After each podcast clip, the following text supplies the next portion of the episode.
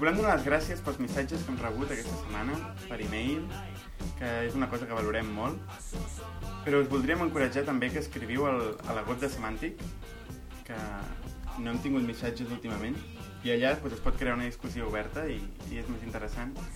I us recordem que també que Semàntic participa a premisblogs.cat, així que si podeu i us agrada el blog, voteu-nos. I com veureu hem afegit un petit banner a la web. I per cert, pot ser que veieu eh, canvis aquestes properes setmanes que tenim pensats de fer sobre la web i sobretot ara que hem tornat de vacances doncs ens ficarem mans a l'obra i res, aquesta setmana tenim temes eh, relacionats amb la xarxa, protocols, privacitat, la neutralitat a la xarxa i també novetats en xarxes socials, eh, servidors web, bases de dades documentals i altres. Eh? Eh, tenim aquí el Jordi i el Masumi. Hola, bona tarda. Jo no he tornat de vacances, eh? Hola, bona tarda. Jo tampoc. No, com que no, tu sí. Estem corrent com uns cabrons. Sí. Sí, segur.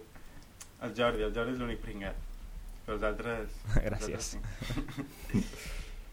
I bé, eh, podríem començar amb la novetat aquesta que... Bueno, novetat, que s'està parlant des de fa molt de temps, però que sembla que últimament es farà, s'implementarà finalment, que és la, el canvi sobre el protocol TCP. M'assumi? Tu això... Sí. Bueno, a, a, a, és el que ha proposat Google. Abans de parlar del canvi, faré un 5 cèntims de, de com funciona el protocol aquest. Bueno, bàsicament, en una transferència de dades amb el protocol aquest TCP, la quantitat de dades que s'envien, sense confirmar de que s'han enviat, està establerta i es diu eh, finestra o finestra lliscant. Bueno, la finestra aquesta es calcula com el mínim entre el que en diuen finestra anunciada pel receptor, que bueno, és el màxim que hi cap al seu buffer de recepció, i la, el que es diu finestra de congestió. Bueno, molts termes, no? Però és fàcil. Una mica complicat. Quan, eh? no, no, tampoc tant. Quan es comença la, bueno, la transferència de dades, la finestra aquesta de congestió, doncs eh, pràcticament en el 100% dels casos és més petita que la finestra anunciada. Llavors, la finestra aquesta lliscant, la finestra, en general, passa a valer el que val la finestra de congestió. Llavors, partint d'aquesta mida inicial, i per cada ACK, per cada acknowledge que, que rep qui inicia la transferència, la finestra aquesta es va incrementant. I llavors, a poc a poc, s'arriba al màxim que la connexió pot suportar. bueno, el que Google vol canviar és el valor d'aquesta finestra de congestió inicialment, que normalment són uns 4Ks i volen que siguin 15Ks, perquè diuen que les connexions i els equips actualment ho poden suportar perfectament. Llavors, amb això us podeu imaginar que les connexions doncs, s'estalviarien molts missatges d'anada i tornada i, per tant, se'n podria incrementar el rendiment. Ells diuen que fins a un 12% i només canviant 10 línies de codi del protocol. Bueno, com a exemple pràctic, descarregar 10 cas ara mateix eh, s'ha de fer en dos cicles. Primer 4 cas del que va a la finestra, després el, el, el receptor, ai, el, es rep l'ACK i llavors es dobla la finestra de congestió i es reben els següents 6 cas. Llavors, amb la proposta de Google es rebrien els 10 cas en un sol cicle, com a exemple. Ja veieu que... Jo... Doncs, sí, sí, sí, bàsicament el que estàs dient és que tots els paquets de xarxa el paquet mínim serà una miqueta més gran, no? Sí, bàsicament. Sí, sí.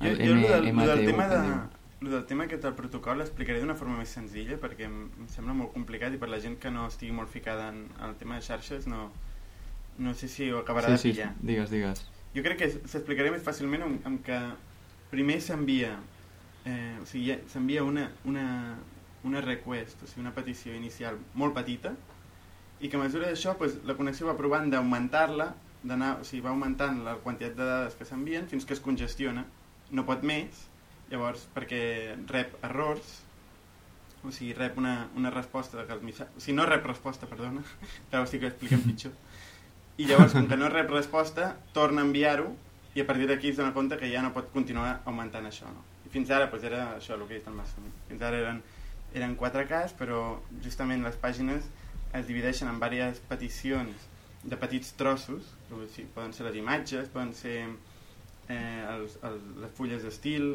etc. I està calculat que en la majoria dels casos aquestes peticions estan per sota els 10 cas, amb mitjana, però gairebé moltes vegades per sobre dels 4 cas, no? perquè 4 cas és molt poc. Llavors, pues, està provat estadísticament que per sobre de... Sigui, si es fes una, una finestra inicial dels 15 cas, gairebé totes les peticions es farien en un sol cicle. I això pues, milloraria moltíssim l'eficiència a, a, a la xarxa en general no? de fet es diu que una pàgina eh, són, sembla que són 340 cas de mitjana. O sigui que gairebé totes les pàgines es veurien molt beneficiades amb, amb, el, amb aquest canvi. Hi ha hagut molts sí, canvis si em permets que... sí, sí, perdona la, la pàgina principal de Semantic comptant l'HTML, JavaScript, imatges i, i CSS són 400 cas per tenir un exemple de referència. Doncs sí.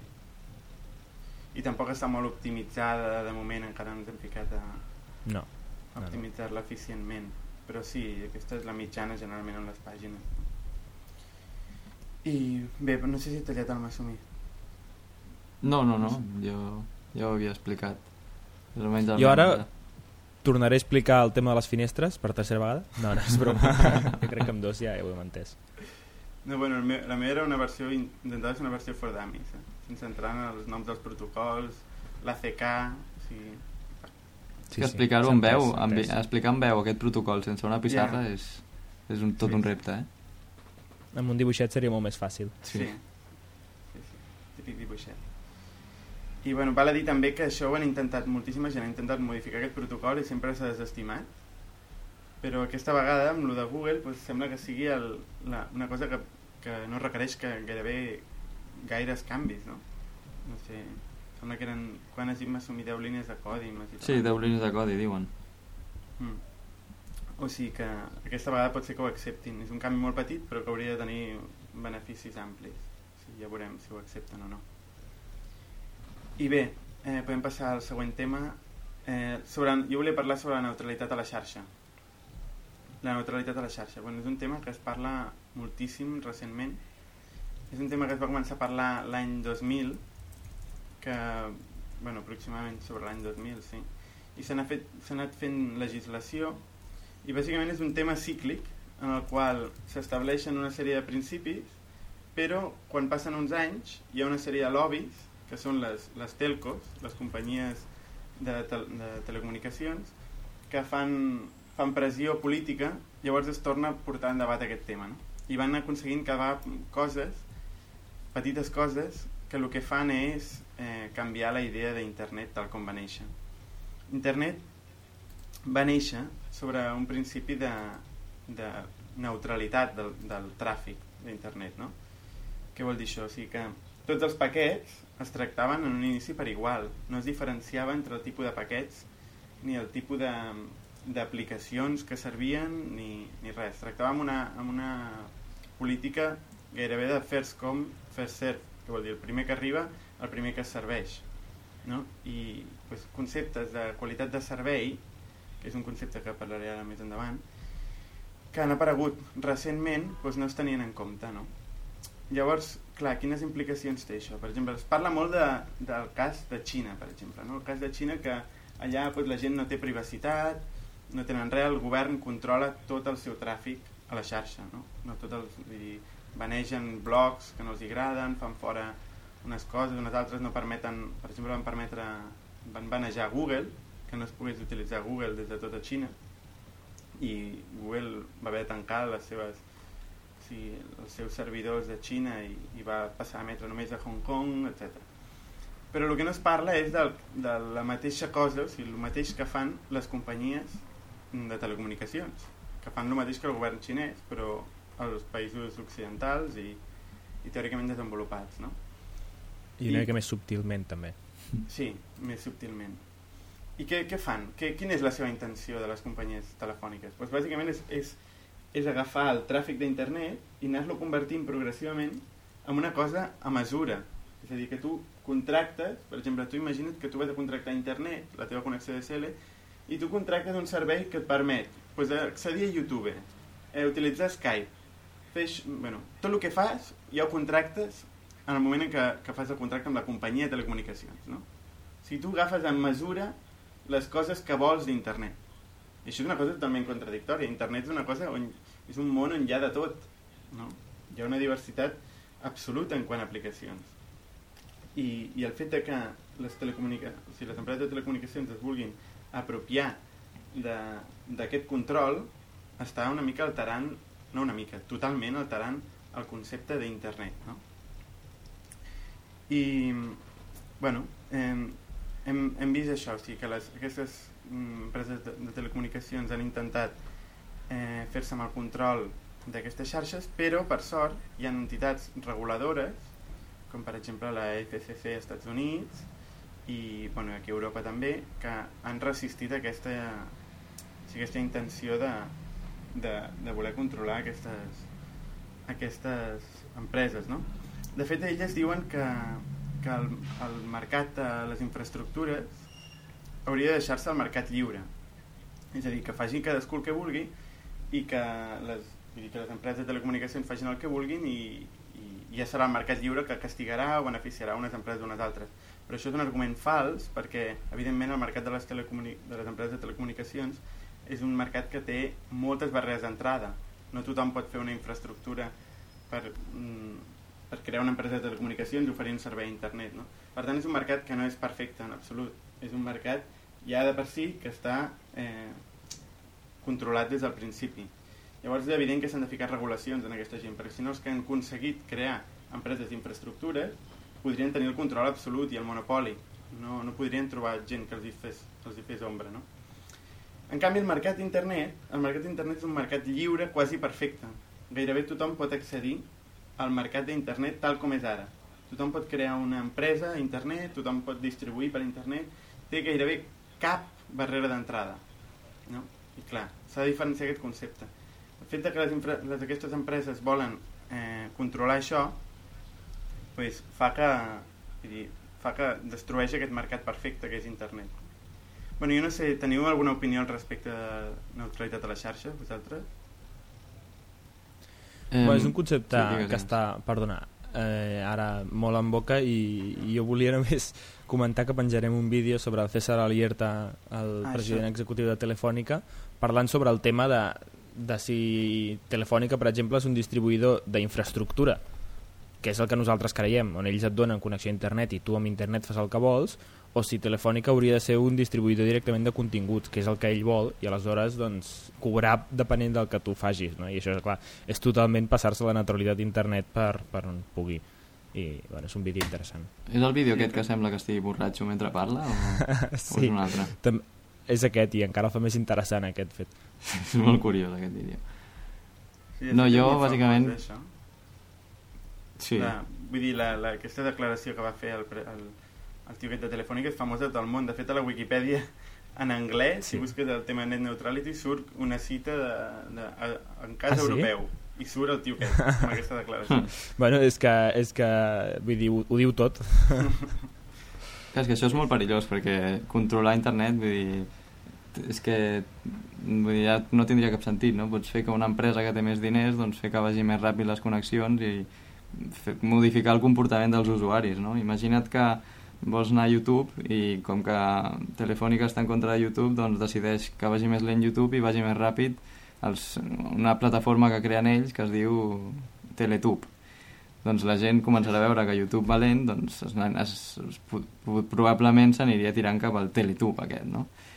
I, i, i això és fatal de fet jo si m'ho permeteu dir, sospito que alguna cosa estan fent perquè jo crec que, bueno, almenys no sé si és la meva connexió que passa que en vídeos de YouTube que, que no hauria de passar se'm, em va super lent i jo crec que hi ha aquí alguna mà misteriosa que està començant a, a toquetejar coses de la neutralitat però bueno, és una sospita conspiranoica. Potser sóc esquizofrènic però no sé, és una sensació que tinc. Això en principi ara mateix està prohibit per llei. O sigui, hi ha lleis tant a nivell europeu com a nivell dels Estats Units, americà que prohibeixen que es pugui donar tractes d'exclusivitat a serveis per sobre uns altres. Sí que, sí que hi ha el tema de, de quality of service, que això és un tema que bueno, ha anat molt en auge últimament, i que bàsicament el que fa és diferenciar nivells d'aplicacions. Per exemple, hi ha aplicacions que necessiten una qualitat de servei més alta perquè tenen una latència màxima que accepten i un banda d'ample mínim. No? Llavors, doncs aquestes reben, eh, si s'aplica el protocol aquest de Quality of Service, reben un nivell de prioritat més alt. I això que podria ser, per exemple, doncs la, les trucades per IP, eh, streaming, videoconferència, etc. són coses més intensives. Els jocs. Sí més intensives a nivell de xarxa. Llavors, doncs amb el protocol aquest de Quality of Service, el que fa és prioritzar aplicacions per sobre les altres. Ara bé, això és el que és molt perillós, vull dir, el moment en què comences a prioritzar aplicacions per sobre les altres vol dir que estàs començant a analitzar els paquets. Quan analitzes els paquets estàs començant a saber què fan a l'usuari i què li permets i què no li permets. Actualment a nivell contractual, o sigui, per contracte, tu pots, no pots eh, contractar amb cap empresa de telecomunicacions un, una aplicació amb exclusiva. O sigui, no, no permet crear un contracte de servei exclusiu d'una aplicació. Sí que pots fer-ho a nivell general, així com estem dient, o sigui, per videoconferències doncs li donem més prioritat, però no a nivell d'exclusivitat. No? I això, bueno, hi ha moltes, hi ha moltes iniciatives que van en favor de, de lluitar contra, contra aquests intents de les, dels lobbies de les, de les empreses de telecomunicacions com per exemple safetheinternet.com, que és una, una macrocoalició de persones, més d'un milió de persones als Estats Units i organitzacions que bàsicament lluiten, intenten contrarrestar el poder de lobby d'aquestes empreses, com Comcast, que és l'última que, que ha portat als tribunals aquest tema, contra la FCC, l'empresa aquesta reguladora als Estats Units. I, bueno, al maig, o sigui, el mes passat, bueno, fa dos mesos, es va determinar, es va donar la raó finalment a la FCC, però bueno, ha estat aquest tema superdebatut últimament als Estats Units, no? I bàsicament el que passa als Estats Units després passa a Europa. O sigui, realment, si no estàs sempre atent, 100%, en qualsevol moment ens la poden colar. Ens la poden colar i, i, i poden, podem perdre el que ha sigut internet per sempre, no? que seria una pèrdua enorme. enorme. Sí, sí. I, bueno, bueno, jo crec que la gent es rebel·laria, eh? no, no, vull dir, no es deixaria fer això. Es farien servir plataformes... O sigui, tecnològicament la gent buscaria alternatives per saltar-se aquests filtres. Però quines? Perquè tu no tens infraestructura. No, no tens infraestructura, però tu pots eh, fer que els teus paquets no siguin el que semblen. Vull dir, això ja passa en alguns països i la gent fa servir xarxes privades virtuals i d'altres sistemes d'encriptació de paquets perquè això no passi. Vull dir, yeah. Jo crec que internet ha arribat a un punt on és gairebé impossible tirar enrere. Sí, però això ho pot fer, però, bueno. ho podem fer nosaltres, però pots fer la gent normal. Bueno, però si nosaltres ho fem de manera que sigui fàcil per la gent en general, doncs potser sí. Mm-hmm. No sé. Bueno, en el cas jo crec europeu, que no serà... En el cas europeu, mm. eh, m'agradaria comentar el cas de, del, del partit pirata que va aparèixer... Sí, els suecs. Sí, exacte, Suècia.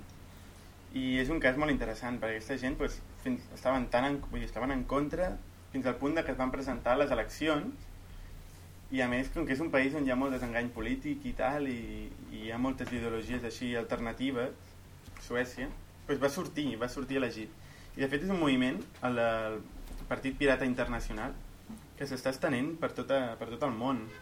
I hi ha doncs, països que... Bueno, Suècia té dos, dos parlamentaris, però altres països, com per exemple, em sembla que Suïssa i, i Alemanya, tenen eh, regidors municipals d'aquest partit, vull dir que estan començant a guanyar, guanyar pes aquesta gent, no?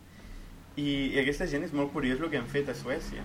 Han agafat una pàgina que segurament coneixeu tots, que és de Pirate Bay, el, el, la Bahia Pirata, no sé com es traduiria. És una no, pàgina de descàrregues... Oh.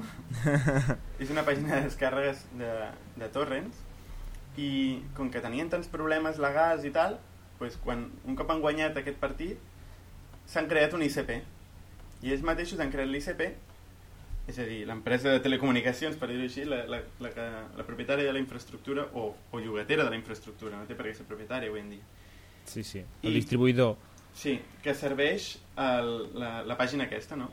I llavors clar, això evita molts problemes legals perquè ja no és cap ICP que els pugui bloquejar i ara el seu objectiu que tenen ara que estan al Parlament és posar tota la infraestructura de servidors a dintre del Parlament i això pues, és molt curiós, no? perquè clar, això segons les lleis internacionals i, la llei, i les lleis europees, tot el que hi ha dintre del Parlament té immunitat.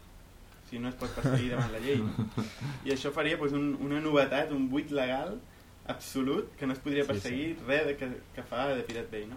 Comentar que The Pirate Bay és una, és una pàgina que ha, estat, ha tingut tants problemes legals, però individualment en diferents països. Per exemple, jo estava a Itàlia fa poc i anava a anar de Pirate Bay i vaig veure que no funcionava.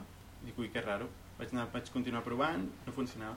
Després vaig buscar informació i vaig veure que havia estat efectivament banejada, va haver una denúncia particular i, i va guanyar, va triomfar i es va prohibir l'accés de Pirate Bay a Itàlia.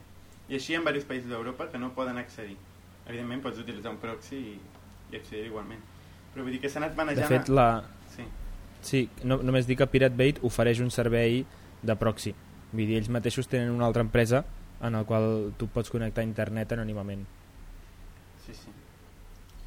I és el que caldrà fer. Si realment al final acaba sent només legal a Suècia, pues és el que haurem de fer a la resta de països. No? Però és molt curiós la iniciativa aquesta. No? És, ells són tant el Partit Pirata com, com bueno, el Partit Pirata Internacional i en aquest cas de Pirate Bay, pues, ells defensen que la privacitat ha de ser absoluta a la xarxa i que cadascú ha de poder mm, compartir els, el que vulgui de la forma que vulgui i que aquí no, no, no s'hi pot ficar, la gent no es pot ficar dintre del tràfic d'internet perquè va néixer com una cosa anònima i com una cosa centralitzada i no té sentit controlar-ho i centralitzar-ho sí, és un sí, tema el tema que... és clar, que sí. també s'ha de poder controlar el que és el que és activitat realment il·legal no? però o sigui, que la policia pugui, pogués tenir una mena de control sobre autèntiques activitats il·legals però clar, això però això, no, això, ningú, això ningú en parla. Eh? Vull dir, realment això és dona per sentat. Aquí el que es vol és controlar el negoci. És una batalla pel sí, negoci. No, clar. Però bé, movem, continuem de temes, que aquest ens hem, ens hem parat massa. Xarxes socials, m'assumir. Sí. Hi ha novetats? Bueno, temes... Suposo que recordeu quan vam parlar de diàspora Bueno, vam parlar que això que sí. era una xarxa distribuïda, eh, una xarxa social distribuïda, molt privada, encriptada, amb moltes coses, no? I fins fa poc no se'n sabia gairebé res, només sabíem que els havien donat un munt de diners i semblava que havien desaparegut. Però bé, es veu que no, han donat senyals de vida darrerament, han ensenyat una mica el que estan fent. I jo he entès una mica més com funciona el tema, no? Bàsicament el, el tema dels nodes, que no havia quedat molt clar, és curiós perquè hi ha un vídeo una demo que el posarem als show notes en què se'ls veu simplement tenen un ordinador amb diversos nodes. Per iniciar sessió no els hi cal el nom d'usuari perquè clar, el node ja, ja té identitat. Llavors només cal el password això és el primer que em va, em va cridar perquè era curiós. I bàsicament van fer una demo de, del, que, del que duen fet que és pràcticament tot el que és el nucli. I van fer una demo d'un en un dels nodes un, un usuari feia un comentari. I bàsicament el que van demostrar és com anava propagant aquest comentari per tots els nodes que estaven interconnectats. O sigui que m'ha tranquil·litzat una mica veure que, que sí, que està avançant i que bé, en els propers mesos ara es volen dedicar al que és la interfície gràfica i després ja començar a obrir betes perquè la gent ho pugui provar i a obrir el codi també perquè la gent el pugui veure bàsicament això Eh, D'altra banda, no sé si voleu comentar alguna d'això, no sé si no sé si sabíeu això que havien fet aquest post. Jo, jo vaig mirar l'exemple aquest i, bueno, bàsicament no impressiona molt. Vull dir, t'estan mostrant una comunicació amb un protocol push, que és un tema del qual vam parlar nosaltres fa a l'últim capítol, em sembla, amb mm -hmm. una interfície una mica maca, però el que t'estan ensenyant és com un missatge s'envia instantàniament i no per polling a altres nodes. Vull dir, això existeix des de fa bastant temps, passa que ara li diuen xarxa social, però molts xats funcionen així ja. Bueno, però, però bueno, tampoc, és ja tan, tampoc és tan antic el tema. Un tema no, però no són els primers en fer-ho, no és una revolució. Yeah. Home, en xarxes socials segurament sí. Bueno. No? Vull dir, la idea aquesta no sé, de no nodes sé. i tal, bueno, a mi em sembla una mica...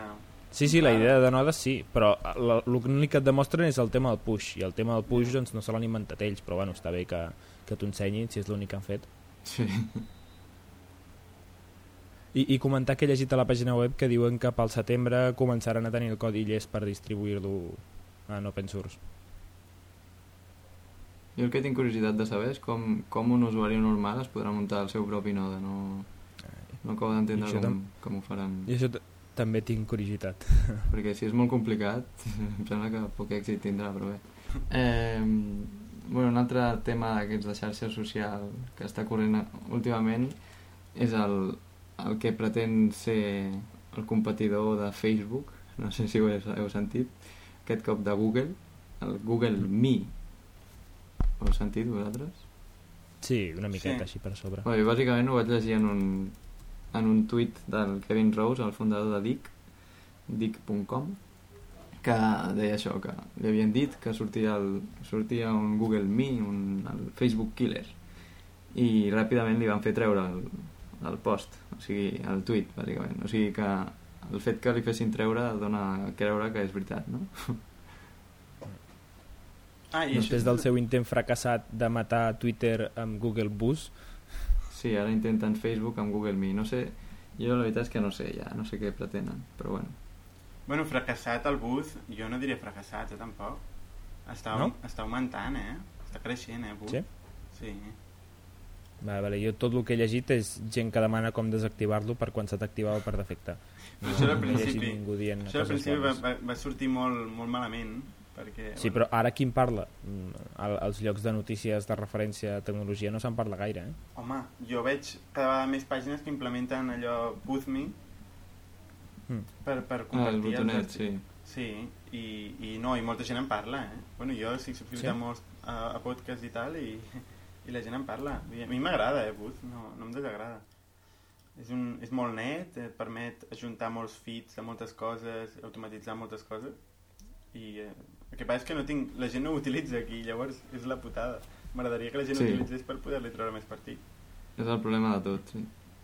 I després és també com... que, que el que no m'agrada és que estigui barrejat amb el mail, això sí que no m'agrada. Però bueno, ja. perquè ja tinc les coses sèries en el mail, no? I no, no una cosa al Facebook, l'altra és al mail. Tenen al mateix lloc, no sé, em sembla una barreja entre, entre conceptes diferents, però bueno, a part d'això sí que m'agrada. Mm però no s'ha de cagar i menjar al mateix lloc, això sempre s'ha dit. Exacte. Però és ja de, de, que si no hi ha la gent, en, si no hi és la gent en, en un servei, doncs el servei no val res. Bàsicament és com si ara Google fa el, la seva xarxa social i no la fa servir ningú, òbviament ningú hi anirà. És com el peix que es mossega la cua, no? Però ja bueno, veurem com avança. tres allà. Sí, Parlem ja està. Això és sí. sempre. És com el, el Twitter, tenia un compte de Twitter feia no sé quants mil mesos i fins que no vaig començar a tenir algun amic que s'hi afegia no vaig fer servir, perquè clar, clar, tu sol és com una mica ridícul. Sí, sí, sí. sí, sí. Però bueno. I bé, no... Ah, parlant de xarxes socials, també el, el Facebook incorpora aquesta setmana una novetat que és bastant interessant, bueno, més que interessant, fa més por encara, que és el reconeixement de, de cares automàtic. Comença ha arribat una mica tard perquè ja ho feia molta gent això, però començarà a reconèixer les cares de les fotos i això vol dir que automàticament ens suggerirà quan introduïm una foto ens suggerirà quines persones estan en aquella foto i nosaltres només li haurem de dir sí, són aquestes Ah, però no etiquetar-te per defecte, no? No, esperem que no, perquè això seria... Això seria terrorífic. Seria el colmo, seria el colmo. El que fa temps que es demana a la gent és que tinguin el auto-blurring sigui, autonubulat, ah, sí. no sé com ho diria, sí. de les cares. Perquè, per exemple, ah, jo si, seria... si em desetiqueto, automàticament la meva cara potser hauria de sortir borrosa, no? O sigui, això és el que sí, demana molta gent. interessant, sí. Com, per exemple, el Google Maps, que es va demanar, ah, sí. es va denunciar i tot, etc i es va acabar fent un sistema automàtic per fer les cares borroses, doncs el mateix amb Facebook, es demana fa temps. Que fins i tot es borra les cares dels cartells, és molt graciós. Ah, sí? Sí.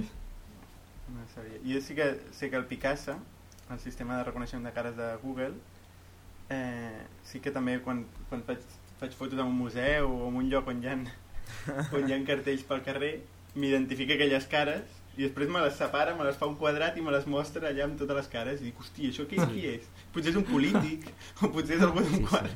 I jo pensant allà, aquest tio em sona molt, em sona molt. I després miro on està en el seu context i és un, un cartell que veu un lloc. És un president dels Estats Units. sí. l'iPhoto l'iPhoto d'Apple fa, fa el mateix també amb les fotos. Sí, sí, sí. i jo també té resultats d'aquests graciosos. tinc la Mona Lisa jo allà com a cara. I bé, continuem, passem més temes. Aviam, servidors web tenim també. Jordi. Sí.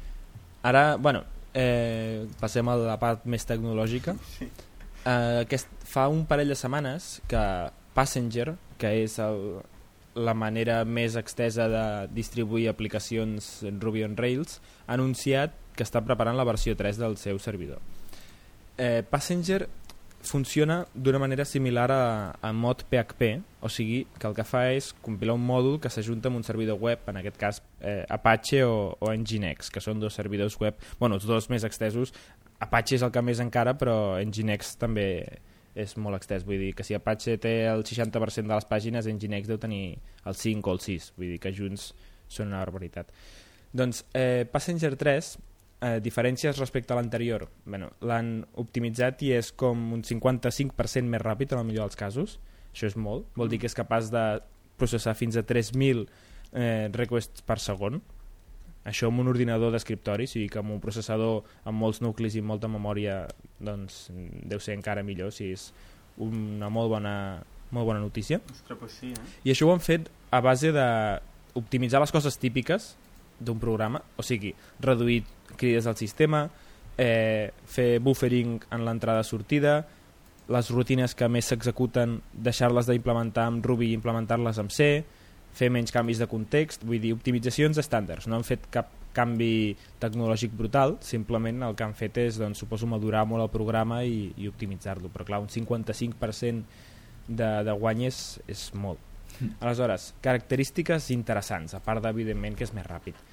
Doncs el que expliquen ells que és un, un servidor que és capaç de curar-se a si mateix. Això significa que si tu tens una aplicació Ruby on Rails que rep una petició d'internet i es penja, vale? perquè el teu codi està malament i, i, i, i peta, doncs el que passaria normalment és que aquell procés moriria. I aleshores l'Apache, que és el servidor que hi ha darrere, tindria un procés menys fins que qui fos se n'adonés i reiniciés aquest procés. Però clar, aquest qui fos ho havies de fer tu a mà amb processos tipus Monit. I això és, és un cunyàs de configurar. Jo ho he fet i, i és una merda. Aleshores ara Passenger és capaç de monitoritzar-se a si mateix amb un procés que li diuen un watchdog, un gos guardià que és qui monitoritza tots els processos de Ruby i fins i tot el servidor web, l'Apache o Nginx i cada vegada que veu que un procés mor o està trigant més del compte, doncs el reinicia sense trencar la petició, o sigui, sense produir un error a, a l'usuari que està esperant la resposta, i això és molt interessant.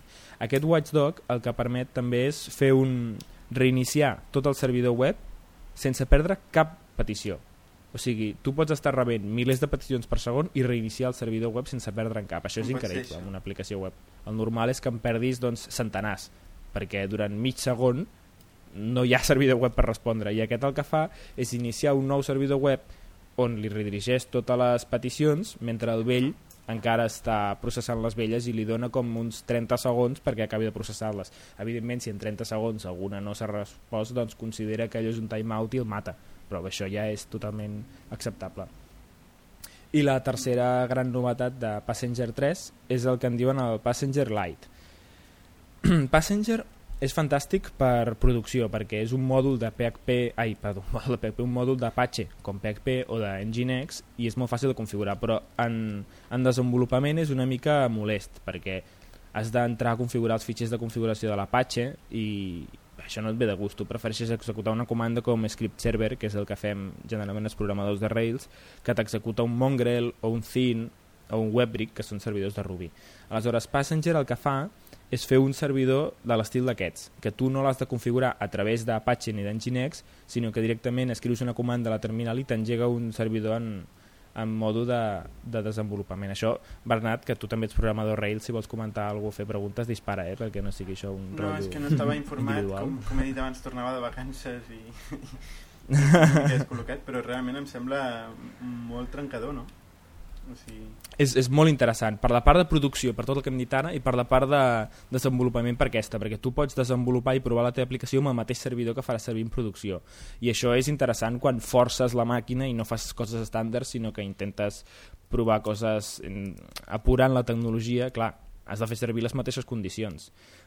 Sí, sí. Aleshores, a, aquest Passenger Lite incorpora, a part d'això que, que l'executes des de la comanda, una cosa que és el que en diuen desplegament massiu automàtic i això és bastant increïble perquè tu normalment quan desenvolupes aplicacions les tens totes en un directori per exemple, al directori arrel tens un, dire tens un directori que es diu aplicacions o codi o el que sigui doncs tu pots executar una comanda que és passenger light amb un flag en un directori a la consola i ell detectarà que hi ha diverses carpetes que són aplicacions Rails, bueno, de fet qualsevol aplicació RAC, o sigui Rails, Sinatra, etc.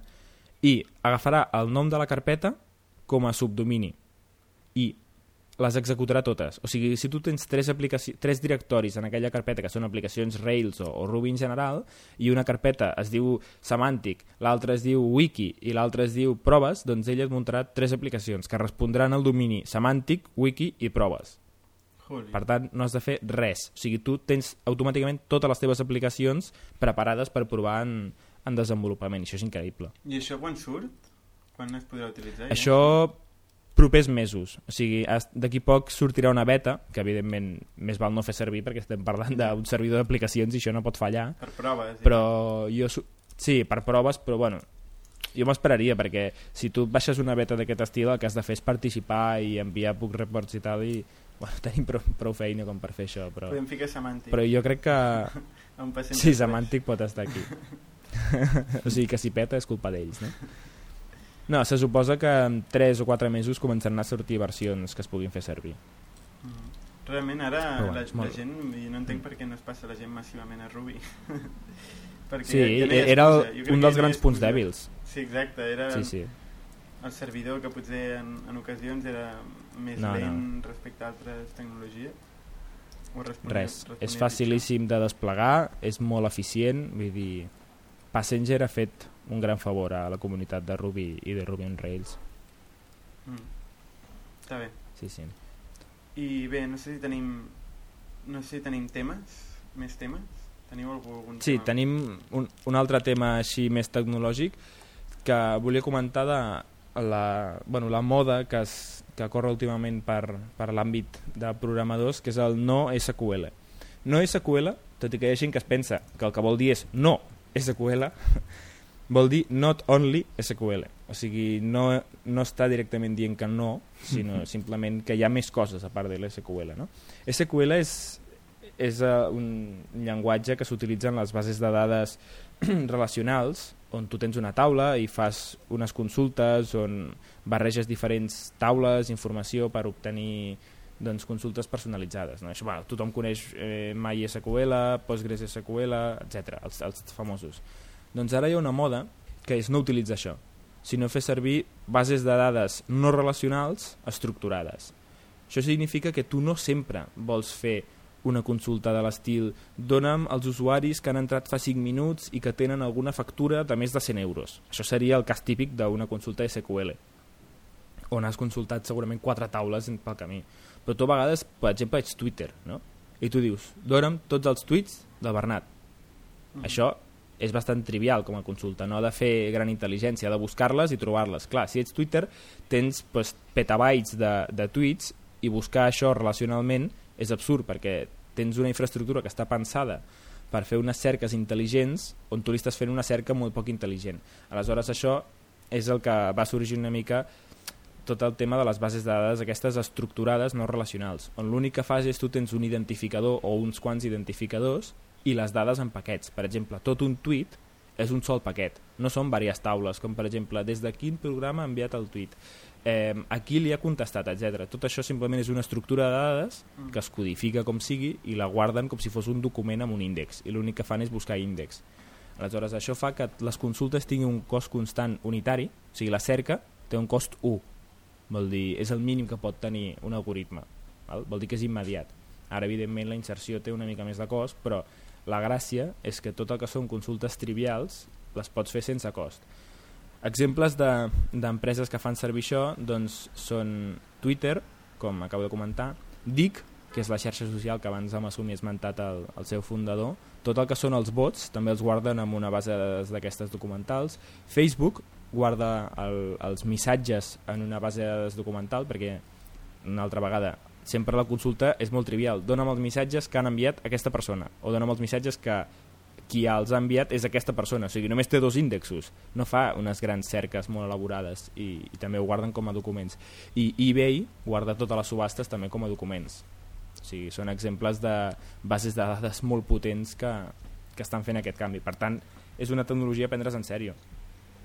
Exemples de motors de bases de dades d'aquestes, doncs tenim les del tipus clau-valor, com vindrien a ser Redis o Memcache, i després hi ha les del tipus documentals, com vindria a ser MongoDB, CouchDB, Cassandra o Tokyo Cabinet, que posarem uns quants enllaços, però no m'enrotllo més que anem malament. No, I no ens oblidem d'Exist.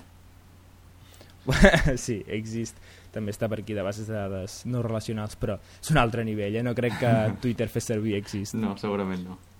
Tot i que la gent que vagi a la FIP, eh, segurament quan faci la signatura PXC rebrà pressions per tot arreu per utilitzar aquesta base de dades. Afortunadament, de tu, afortunadament he fet, un, he fet un, gran, un gran tutorial que podeu consultar per aprendre a fer servir Exist i aplicar-lo a la vostra pràctica. Déu us ajudi. Molt bé. I bé, tenim una última secció, com sempre, de consells i trucs, que um, teniu alguna cosa? Jordi, tu tenies algun truc? Sí, jo tenia un truc, que és un, un programa que ha fet el Ryan Tomeico, que és un programador que treballa per GitHub, que es diu BCAT, de B de Barcelona i CAT de com Catalunya. gat, però en anglès.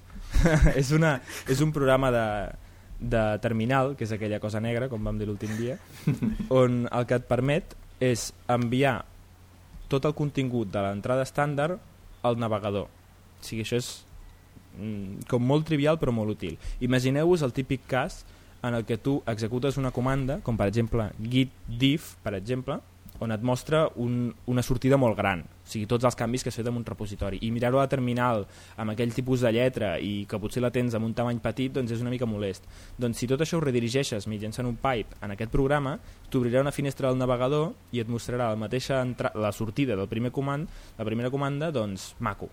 I, i això, que és molt trivial, és superútil i jo ho faig servir molt per la sortida de Git i per mirar logs, per exemple. Si tu estàs treballant en una aplicació i vols mirar-ne el log, el registre, doncs en comptes de mirar-lo a terminal, que no està pensada per llegir textos grans, ho redirigeixes al navegador, que té anti-aliasing, que té tipus de lletra doncs, més fàcils de llegir, etc i, i ho mires allà i posarem un enllaç i...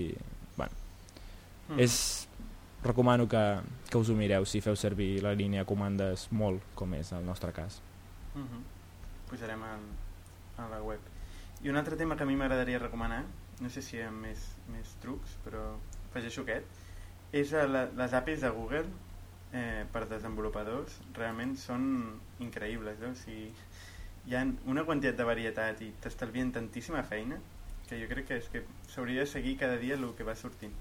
Jo he descobert fa poc, i deu ser-hi fa temps, eh? però jo he descobert fa poc l'API de, de Fits, que es diu, tu la carregues com una API qualsevol.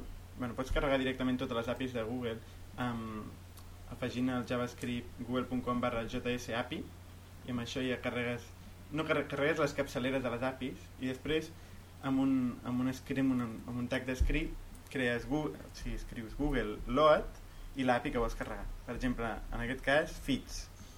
Eh, Fits et permet persejar a nivell de client o sigui, en, en el, el cantó de client per JavaScript qualsevol feed mm, públic, per exemple, pues, un dic, per exemple, no? o si tu vols, vols mostrar en algun lloc de la teva pàgina sense que suposi una request més, una càrrega en el servidor, sinó al cantó de client, l'última novetat de, de DIC, no? l'última pàgina que s'ha introduït a DIC. Pues directament ho pots fer utilitzant aquesta API.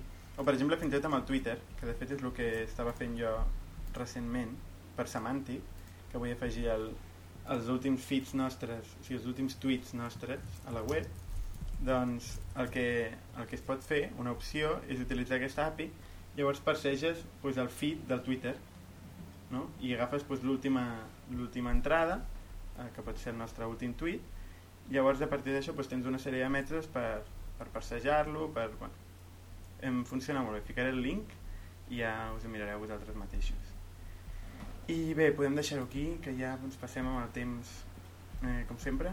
Com sempre. sí. M'agradaria dir un, una, un, un comentari, que és que tinc la, el costum de dir banda d'ample en comptes ample de banda. I m'he donat compte que la gent m'està rajant aquí pel xat i, bueno, ho acabo de veure. Així que no, o sigui, corregiu vosaltres mateixos, vull dir ample de banda. No sé, no sé per què em ve sé si és un programa que fan a TV3 o alguna així. O no, és perquè en anglès directament és bandwidth. Realment sí, sí. vull dir ample de banda, us demano disculpes. I bé, eh, ho deixem aquí. Seguiu-nos a Twitter, twitter.com barra semanticpodcast, al mail podcast arroba semantic.cat sobretot escriu comentaris, per favor que si no sí, que... que rebem, rebem molt de feedback, però tímidament en l'email i per canals privats i no per canals públics, Exacte. i ens agradaria que participéssiu en els canals públics també. Sí, sí, sí. I, i sobretot, voteu-nos, bueno, sobretot, també, a més a més, voteu-nos a remisblogs.cat. I res, deixem aquí. Fins la setmana que ve.